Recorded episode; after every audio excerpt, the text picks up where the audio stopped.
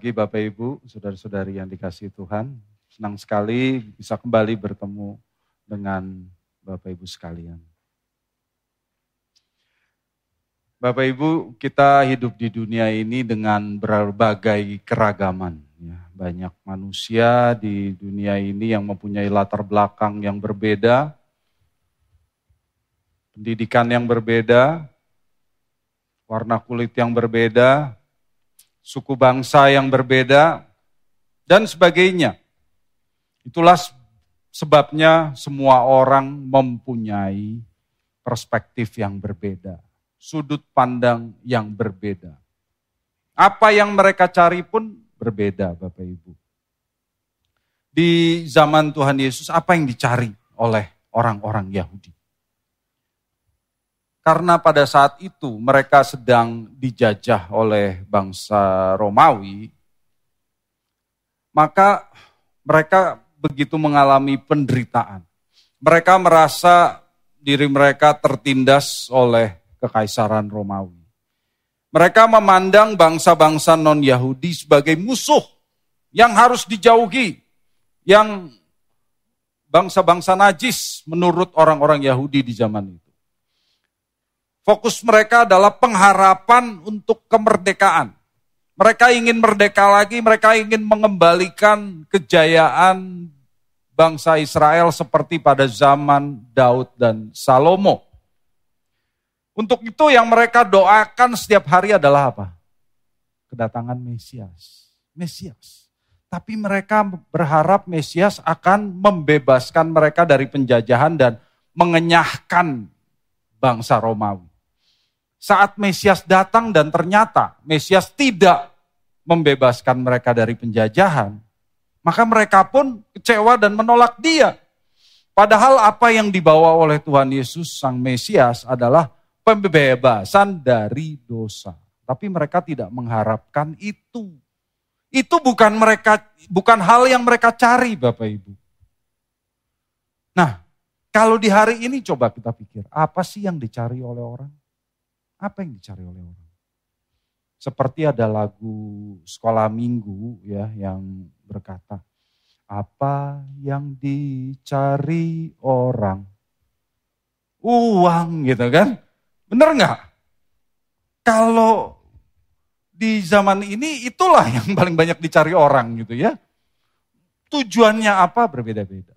Untuk apa orang membutuhkan uang berbeda-beda. Ada orang yang mencari uang untuk kehidupan di hari ini saja.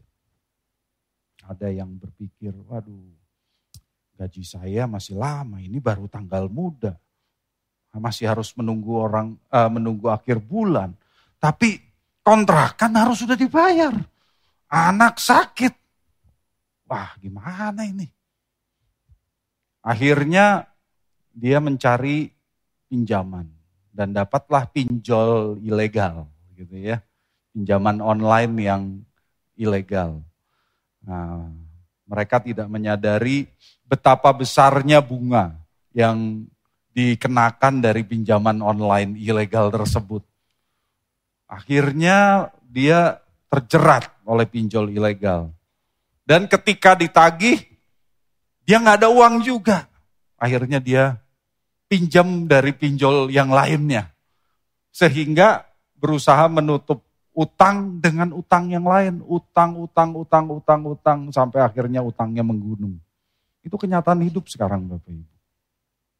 Ya. Banyak orang yang terjerat utang seperti itu. Kalau di gereja apa yang dicari orang Bapak Ibu? Para pekerja, para hamba Tuhan, apa yang dicari orang? Ternyata kalau saya perhatikan banyak juga orang yang sebetulnya mencari ketenaran untuk dirinya sendiri. Dia ingin jadi pendeta terkenal. Dan kontennya viral gitu ya, di mana-mana viral dicari orang. Kalau di zaman digital marketing ini tidak ada bedanya kok perusahaan dengan uh, konten rohani pakai trik-trik digital marketing juga supaya kontennya viral, dia terkenal. Orang-orang yang katanya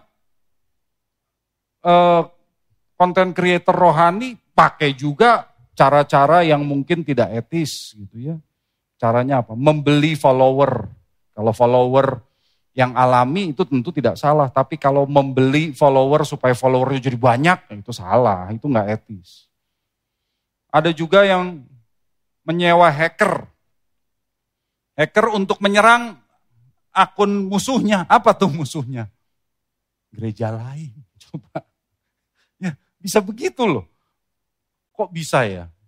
Padahal harusnya kita kan kerjasama, kita sama-sama melayani Tuhan, kita sama-sama buat konten yang memuliakan nama Tuhan, Bapak Ibu. Tapi ya kenyataannya begitu. Buat mereka yang dicari adalah ketenaran namanya sendiri supaya dia jadi terkenal, diundang di sana sini. Jadi kita lihat Bapak Ibu Saudara-saudari yang dikasih Tuhan. Semua manusia memang mencari sesuatu. Uang, kekayaan, jodoh, kesenangan, dan sebagainya. Untuk mencapainya, ternyata orang bisa menggunakan cara-cara yang tidak etis, jahat, kejam. Ini juga bukan hanya untuk orang-orang non-Kristen. Orang-orang Kristen juga sama saja kalau di luar gereja. Enggak semua, tentu yang hadir di sini tidak ya Bapak Ibu ya. Tapi di luar sana banyak yang sama saja Padahal katanya, katanya di Alkitab sudah baca berkali-kali, kita sudah mati bagi dosa. Kita sudah mati bagi dosa katanya. Tetapi kenyataannya, kelihatannya kita cuma pingsan. Pingsan. Belum benar-benar mati bagi dosa. Buktinya bangun lagi. Ya, buktinya masih kalah terhadap dosa. Kalah lagi, keok lagi. Nah, Bapak Ibu, Rasul Paulus mengajarkan bahwa kalau kita mau sungguh-sungguh menang atas dosa, berkemenangan dalam hidup ini, dalam peperangan kita melawan dosa, maka Bapak Ibu, kita harus mengerti posisi kita di dalam Kristus. Dan buktinya adalah cara pandang kita tuh beda. Kita punya perspektif baru. Perspektif yang berbeda dengan dunia. Dan hasilnya adalah keinginan dan cara hidup kita pun akan jadi berbeda. Mari kita lihat Alkitab kita dari Kolose 3 ayat 1 sampai 4. Kolose 3 ayat 1 sampai 4. Kita baca mulai dari ayat 1. Karena itu, kalau kamu dibangkitkan bersama dengan Kristus, carilah perkara yang di atas di mana Kristus ada duduk di sebelah kanan Allah. Ayat 2. Pikirkanlah perkara yang di atas, bukan yang di bumi. Ayat 3. Sebab kamu telah mati dan hidupmu tersembunyi bersama dengan Kristus di dalam Allah. Ayat 4. Apabila Kristus yang adalah hidup kita menyatakan diri kelak, kamu pun akan menyatakan diri bersama dengan dia dalam kemuliaan. Bapak, Ibu, saudara-saudariku yang dikasihi Tuhan. Di sini Paulus jelas berbicara kepada orang-orang yang sudah percaya. Karena dia berkata apabila kamu dibangkitkan bersama dengan Kristus. Jadi ini orang-orang yang sudah percaya bahwa mereka sudah mati bersama dengan Kristus, sudah dikuburkan bersama dengan Kristus. Maka di mata Tuhan, kita pun punya posisi yang baru. Apa itu? Kalau kita sudah mati bersama Kristus, dikuburkan bersama Kristus, maka kita pun akan dibangkitkan bersama dengan Kristus, Bapak Ibu. Tentu kebangkitan itu akan jadi nyata sepenuhnya nanti pada saat Tuhan Yesus Kristus datang kedua kalinya. Tapi hari ini kalau kita mau menang atas dosa, maka yang harus kita lakukan pertama-tama adalah menyadari bahwa kita sudah dibangkitkan bersama dengan Kristus. Sehingga kita harus hidup baginya. Jadi kita tahu, kita sudah dibangkitkan bersama Kristus. Kalau kita dibangkitkan bersama Kristus, maka kita harus hidup bagi Kristus. Dan kalau kita menyadari bahwa kita hidup bagi Kristus, maka kita pun mempunyai perspektif yang baru. Apa itu? Kita harus mempunyai sudut pandang yang baru. Lalu memandang apa, Pak? Nah, yang pertama, kita harus memandang ke atas, memandang ke atas. Dalam bacaan kita tadi di ayat 1 dan 2, Paulus mengulangi ini dua kali. Kata Paulus, carilah hal-hal yang di atas. Carilah hal-hal yang di atas. Lalu kedua kalinya dia berkata, pikirkanlah hal-hal yang di atas, bukan yang di bumi. Tuhan Yesus sendiri pernah bersabda di Matius 6 ayat 19 sampai 20. Kumpulkanlah harta di surga. Kumpulkanlah harta di surga bukan di bumi. Jadi inilah yang seharusnya jadi fokus hidup orang percaya. Mengumpulkan harta di surga. Jadi apa sih yang kita cari Bapak Ibu? Dari tadi kita bicara, apa yang kita cari? Apa yang seharusnya kita cari? apa yang seharusnya menjadi kesukaan kita, menjadi kerinduan kita. Pandang ke atas. Pikirkanlah hal-hal yang di atas. Hal-hal yang bernilai kekal di kerajaan kekal Kristus. Paulus berkata, ketika kita melihat di ke atas, di sanalah Kristus ada, bertahta di sebelah kanan Allah. Nah, Kenapa ada pertanyaan pernyataan ini? Kita biasa sudah menganggap hal ini biasa-biasa saja. Tapi sebetulnya ada maksudnya. Mengapa Paulus mengatakan di tempat di mana Kristus ada duduk di sebelah kanan Allah. Maksudnya adalah Bapak Ibu. Kalau kita mati bersama Kristus, kita dikuburkan bersama Kristus dan kita pun dibangkitkan bersama Kristus. Maka kita pun harus ingat bahwa setelah Kristus dibangkitkan, dia naik ke surga. Dia hanya di bumi selama berapa lama? 40 hari Bapak. 40 hari saja. 40 hari itu waktu yang lama atau waktu yang sebentar? Sebentar. Dalam waktu 40 hari itu tentu tidak cukup buat Yesus untuk mem memikirkan dan menginginkan berbagai hal di bumi ini. Nggak akan cukup. Aku mau beli rumah, aku mau beli kendaraan, cukup nggak? 40 hari buat apa? Toh, nggak lama di bumi ini, cuma 40 hari. Setelah 40 hari dia pun naik ke surga duduk di sebelah kanan Allah. Maka ayat ini berkata, kalau kita dibangkitkan bersama dengan Kristus, kita pun harus seperti Kristus. Kita pun harus berpikiran, aku tidak lama hidup di bumi ini.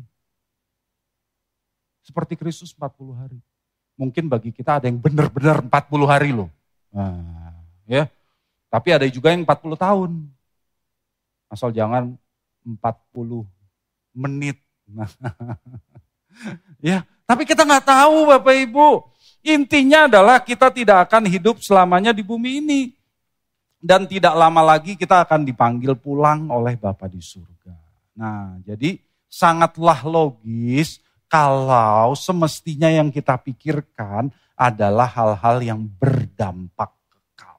Yang bernilai kekal di rumah abadi kita. Sebab this world is not my home. Dunia ini bukan rumahku.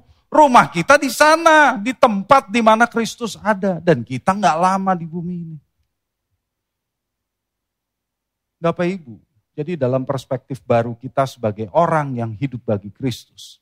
Yang harus kita cari dan pikirkan adalah pertama memandang ke atas, lihat hal-hal yang di atas. Tapi janganlah lalu kita berpikir, oh kalau begitu lebih baik saya menyingkir dari hiruk pikuk dunia, saya masuk biara saja gitu ya. Enggak. Kita tetap hidup di dunia ini. Tetap bekerja, tetap berusaha, tetap belajar, tetap berkeluarga. Tapi itu semua bukan tujuan dan bukan fokus kita.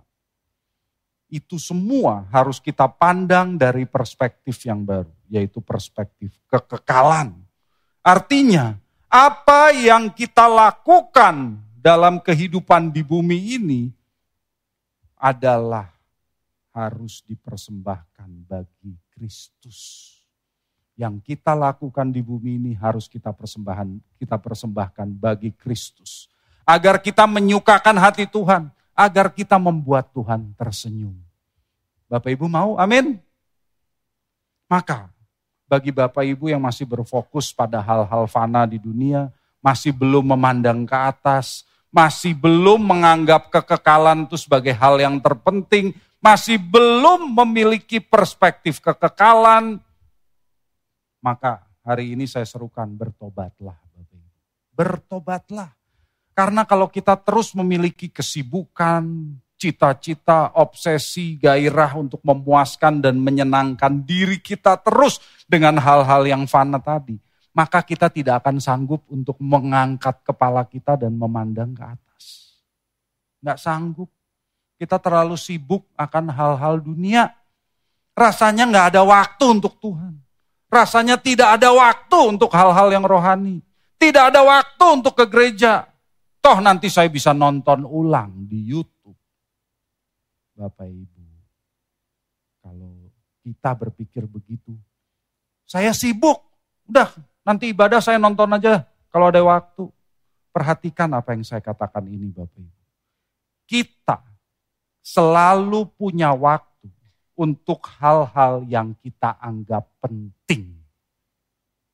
Kita selalu punya waktu untuk hal-hal yang kita anggap penting. Maka kalau Tuhan penting bagi kita, kalau surga penting bagi kita, maka kita pasti punya waktu. Maka kalau kita tidak punya waktu ke gereja, kok beraninya berkata, Tuhan kaulah segalanya. Ngomong kosong Bapak. Kalau ke gereja aja nggak ada waktu, itu omong kosong. Tapi saya sakit Pak, oke kalau sakit silakan ikuti ibadah ini di rumah. Nggak masalah, toh kita melakukan live streaming. Tapi usahakan, jadwalnya sama. ya. Jadi kita sama-sama yang beribadah di gereja dengan yang di rumah jadwalnya bersama. Adakan waktu. Kalau Tuhan penting bagi Bapak Ibu, maka ibadah bersama itu pasti penting bagi Bapak Ibu. Amin. Yang kedua Bapak Ibu, yang kedua, kita selain memandang ke atas, kita harus memandang ke belakang. Mengapa? Di ayat 3 tadi Paulus berkata, sebab kamu telah mati. Kamu telah mati. Artinya ini adalah sesuatu yang sudah terjadi di masa lalu. Paulus juga menuliskannya di Roma 6 ayat 4 sampai 7. Kita baca Roma 6 ayat 4 sampai 7. Dengan demikian kita telah dikuburkan bersama-sama dengan dia oleh baptisan dalam kematian. Supaya sama seperti Kristus telah dibangkitkan dari antara orang mati oleh kemuliaan Bapa. Demikian juga kita akan hidup dalam hidup yang baru. Sebab jika kita telah menjadi satu dengan apa yang sama dengan kematiannya, kita juga akan menjadi satu dengan apa yang sama dengan kebangkitannya karena kita tahu bahwa manusia lama kita telah turut disalibkan supaya tubuh dosa kita hilang kuasanya agar jangan kita menghambakan diri lagi kepada dosa. Sebab siapa yang telah mati ia telah bebas dari dosa. Bapak Ibu saudara-saudari yang dikasihi Tuhan, kita yang percaya kepadanya menjadi satu dengan kematian Kristus. Dan berarti karena Kristus telah mati, kita pun telah mati. Manusia lama kita telah turut disalibkan bersama dengan Kristus. Dan kita pun dibebaskan dari dosa. Jadi, dalam perspektif baru bagi orang percaya, orang yang hidup bagi Kristus, kita harus menyadari bahwa kita sudah mati bagi dosa. Lihat ke belakang, tengok ke belakang, lihat kita sudah mati bagi dosa. Ini jangan disamakan dengan istri Lot yang menoleh ke belakang, Karena dia mengingat kehidupan yang lama di kota Sodom lalu berubah jadi tiang garam. Jangan disamakan dengan hal itu Bapak Ibu. Ini maksudnya bukan itu. Ini maksudnya kita harus mengingat bahwa kita sudah mati.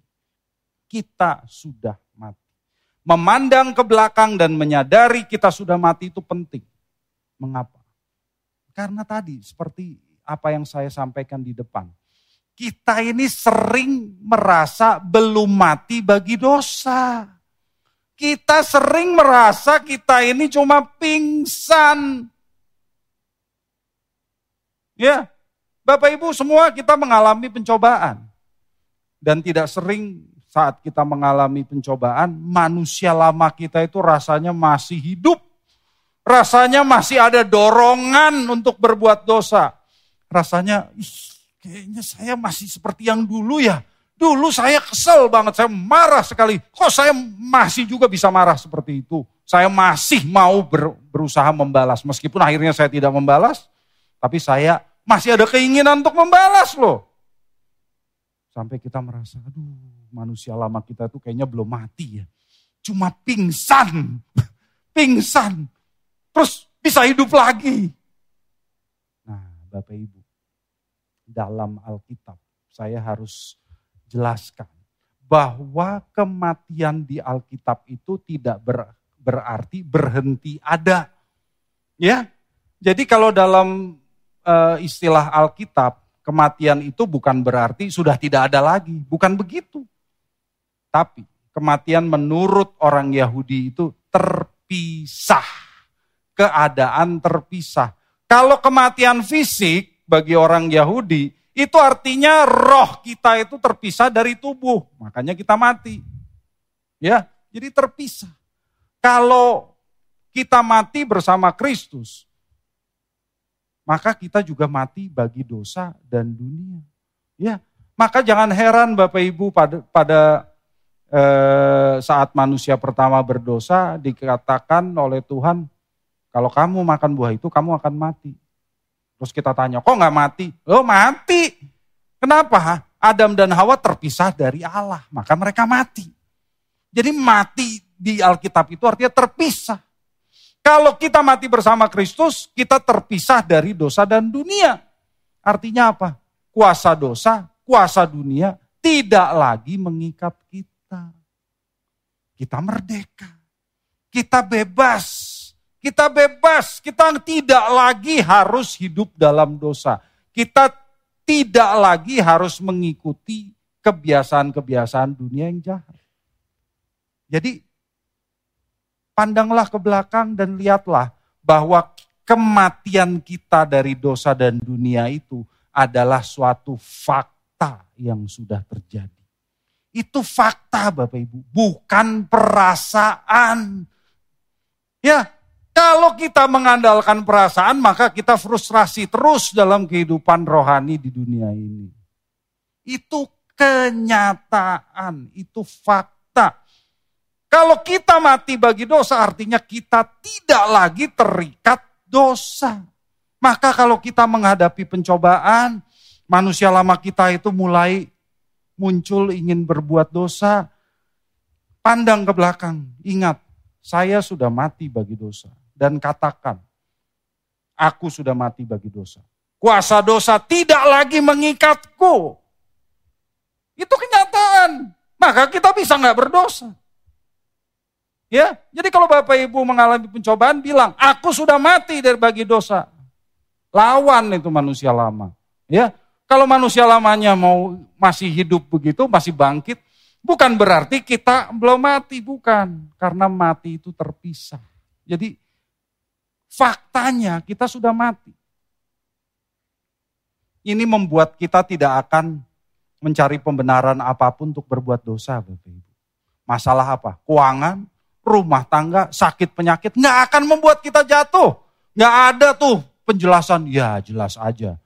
Kasusnya berat begitu ya wajar lah kalau dia jatuh. Nggak ada. Itu wajar buat orang yang terikat dosa. Lah kita sudah mati, kita nggak terikat dosa lagi. Jadi kalau kita masih jatuh, itu tidak wajar. Ya, Nggak wajar. Kalau kita masih merasa itu wajar, nah bahaya itu. Artinya kita udah mati atau belum Bapak Ibu. Kalau dunia masih mengikat kita dengan kesenangan-kesenangannya dan kebiasaan-kebiasaan yang jahat, katakan, aku sudah mati bagi dunia. Kuasa dunia tidak lagi mengikatku. Jadi hal-hal yang wajar bagi dunia itu tidak wajar lagi bagi kita. Tidak normal lagi bagi kita. Jadi kuncinya supaya Bapak Ibu bisa menang, bisa bebas, tidak menjamah dosa sekecil apa pun, ingat kalimat ini. Aku sudah mati. Aku sudah mati, itu fakta Bapak Ibu. Bukan soal perasaan, itu fakta. Jadi pandanglah ke belakang dan lihat kenyataannya. Aku sudah mati. Ulangi. Ya, jadi kalau Bapak Ibu ada pencobaan bilang, aku sudah mati. Sehingga Bapak Ibu nggak berdosa lagi. Karena yang berdosa itu sudah kalah. Ya, itu yang kedua. Yang ketiga, perspektif baru kita adalah memandang kepada diri kita sendiri. Memandang kepada diri kita sendiri. Masih di ayat 3 tadi Paulus berkata, hidupmu tersembunyi bersama dengan Kristus di dalam Allah. Bapak Ibu, kalau kita memandang kepada diri kita sendiri, kita melihat bahwa hidup kita itu tersembunyi bersama dengan Kristus di dalam Allah. Apa artinya hidupmu tersembunyi? Kita lihat Mazmur 31 ayat 21. Mazmur 31 ayat 21. Engkau menyembunyikan mereka dalam naungan wajahmu terhadap persekongkolan orang-orang. Engkau melindungi mereka dalam pondok terhadap perbantahan lidah. Jadi Bapak Ibu saudara-saudariku yang dikasih oleh Tuhan. Hidup kita tersembunyi artinya Allah melindungi kita dan kita aman bersama dengan Kristus. Hidup kita ini disembunyikan oleh Allah loh Bapak Ibu. Apa artinya? Kita ini berharga di mata Allah seperti permata yang mahal. Kalau Bapak Ibu punya permata yang mahal, maka Bapak Ibu menyimpannya di tempat yang tersembunyi. Betul nggak? Masa ditaruh di luar rumah yang dilihat banyak orang. Ya, terus Bapak Ibu pergi tidur, begitu pagi-pagi dilihat masih ada enggak? Hilang ya. Jadi nggak begitu kan, kalau kita menyimpan permata yang mahal pasti kita sembunyikan. Jadi kita ini berharga di mata Allah. Makanya kita semua disembunyikan oleh Tuhan. Dalam Yohanes 10 ayat 28 29, Tuhan Yesus bersabda bahwa tidak ada yang dapat merebut domba-dombanya dari tangan Kristus dan tangan Bapa. Kita ini disembunyikan oleh Tuhan Yesus dan Bapa loh. Ya, Allah Bapa dan Tuhan Yesus menjamin untuk menjaga dan melindungi kita orang-orang percaya. Karena itu kita tidak boleh mencurigai Tuhan. Kita tidak boleh meragukan dia. Jangan curiga sama Tuhan Bapak. Kalau kita mengalami kondisi sulit, hal-hal yang tidak menyenangkan, hal-hal yang bahkan menyakitkan, kita nggak boleh berteriak kepada Tuhan. Tuhan, mengapa engkau meninggalkan aku? Bapak Ibu, Tuhan tidak pernah meninggalkan kita. Tuhan tidak pernah meninggalkan kita, amin. Dia menjamin hidup kita ini aman dan tersembunyi bersama dengan Kristus. Alasannya apa? Kita berharga di matanya. Jadi kalau kita diizinkan Tuhan mengalami hal-hal yang tidak enak, menyakitkan, membuat kita menderita, itu termasuk perlindungan Tuhan. Itu termasuk perlindungannya. Mengapa? Kita dilindunginya dari pengaruh dunia yang membinasakan. Makanya kita diizinkan mengalami kesulitan. Kondisi yang tidak enak itu merupakan cara Tuhan untuk menggarap kita dan mengembalikan kita ke jalannya. Supaya kita nggak binasa. Supaya kita kembali memandang ke atas. Supaya kita hanya menginginkan Tuhan saja. Kalau kita merasa dunia ini tidak menjanjikan, apa yang kita harapkan? Nggak ada yang lain, cuma Tuhan dan kerajaannya. Betul? Maka jangan jangan jangan curiga sama Tuhan. Kok Tuhan mengizinkan aku mengalami hal ini? Tuhan baik, Dia mau melindungi kita supaya kita enggak uh, tidak tidak uh, menyimpang ke jalan yang lain. Tuhan mau kita tetap di jalannya supaya kita benar-benar sampai kepada tujuan kita. Langit baru dan bumi baru. Amin. Jadi Bapak Ibu dalam segala keadaan, baik maupun buruk, Pandanglah kepada diri kita sendiri dan katakan, Tuhan melindungiku. Tuhan melindungiku. Pada saat Bapak Ibu mengalami hal-hal yang tidak menyenangkan, katakan, ini perlindungan Tuhan. Ini perlindungan Tuhan supaya saya tidak menyimpang. Dalam keadaan yang baik, dalam keadaan yang nyaman, ya gampang kita mengatakan Tuhan melindungi kita. Tapi dalam keadaan yang tidak enak, dalam keadaan yang tidak nyaman, belajar, katakan, Tuhan melindungi. Itu penghiburan buat kita Bapak Ibu.